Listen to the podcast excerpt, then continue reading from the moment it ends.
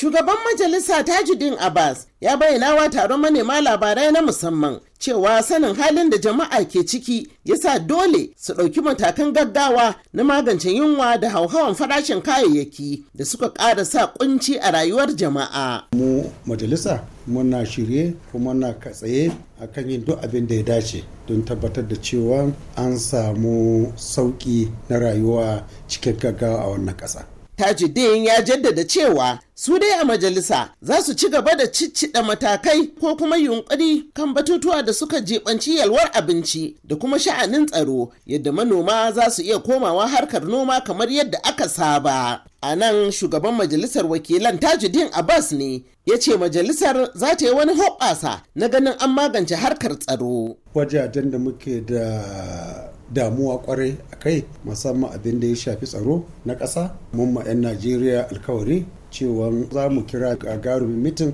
da muke kira legislative security meeting wanda zai shafi bangarori biyu wato mu 'yan majalisa da kuma gwamnati don mu sake zama kamar yadda muka yi shekaru kamar uku da suka wuce a wancan majalisar mu sake duba taswiran tsaro na ƙasa ga baki ɗaya mu ga menene ake yi wanda bai dace ba. Me ake wanda ya kamata a ƙara ingantawa? Me ya kamata a canza? Wasu abubuwa ne wanda ya kamata a duba wanda ba a duba a baya. To wannan na ɗaya daga cikin matakai wanda majalisar tarayya na ƙasa ta sa a gaba tare kuma da ci gaba da tuntuɓan dukka sektoci na ƙasar nan.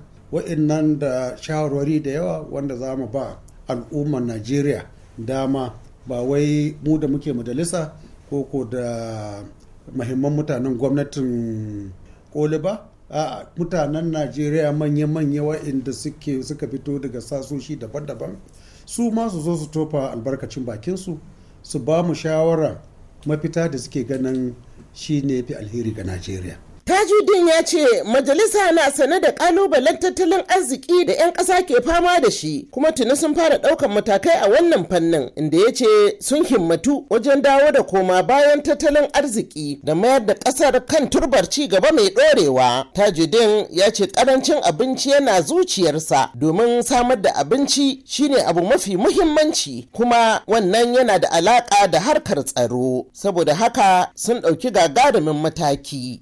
kamar yadda ku gani mun soma a satin da ya wuce. Mun kira ministan kuɗi mun kira ministan budget mun kirawo shugaban hukuma na tara kuɗi na gwamnati mun kirawo shugaban babban bankin najeriya. Duka mun masa tambayoyi akan abubuwa da ke mutane kaikayi kamar yadda kuka sani ba kowa ne yake da dama ya tambayan abubuwa da yake ganin sun dame shi a ƙasa kai tsaye ga waɗanda ya kamata su ba shi amsa ba. Sai muka ga mu a matsayinmu na wakilan al'umma to mu ya fi dacewa mu je mu tattaro tambayoyi daga wajen jama'anmu mu zo kuma mu tambayi irin waɗannan mutane. A daidai lokacin ɗaukan wannan rahoto ne muka samu labarin cewa shugaban ƙasa Bola Ahmed Tinubu ya umarci ma'aikatar noma da samar da abinci da ta saki kimanin tan dubu arba'in da biyu na masara, gero da sauran kayayyakin masarufi a cikin tsare-tsare don magance tashin farashin abinci a ƙasar.